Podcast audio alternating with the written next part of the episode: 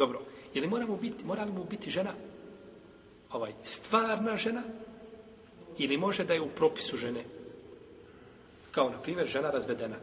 On razveo svoju ženu, jer mora ona žena. Ona mu je u propisu žene. Kazali smo tako, govorili smo o tome. Prvi i drugi razvod, ona mu je šta u propisu? Žene. Ako preseli, nasljeđuje ga. Ima pravo da je vrati bez čega? Bez novog braša ugovora, bez novog šta? Mehra. Ima pravo da je vrati. Dobro, on je razveo i nakon toga u tom idetu želi hula od nje.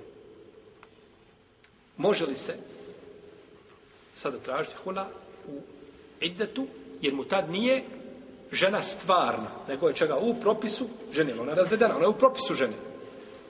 Morao bi je prvo vratiti pa da mu bude šta? Stvarna žena pa da onda, može li tome uraditi, znači, može li se raditi hula. Ako je bio talak ređaji, ovaj opozivi razvod, kada je može vratiti bez čega novog mehra i novog ovaj, bračnog ugovora, znači bez pristanka, staratelja i tako dalje, onda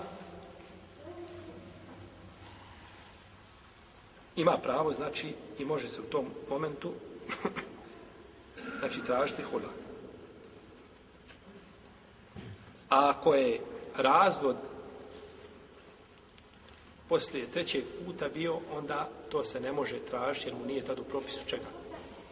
Oni nisu propisu, znači nisu u propisu supružnika. Nisu u propisu supružnika. I čak imam Mavrdi, šafijski učenjaka, navodi konsensus učenjaka po tom, po tom pitanju. Ovih, oprostite, ne učenjaka, nego ashaba. Konsensus ashaba. Dobro, iako da se potvrdi konsensus ashaba, to nije jednostavna stvar, ali budući da je to spomenuto, jel? Mi ga spominjamo ovdje. I ovo je ispravno mišljenje. Da je žena, ako je nakon trećeg razvoda, da to onda nema više hula, nego je tu desio se razvod i može vratiti više nakon toga.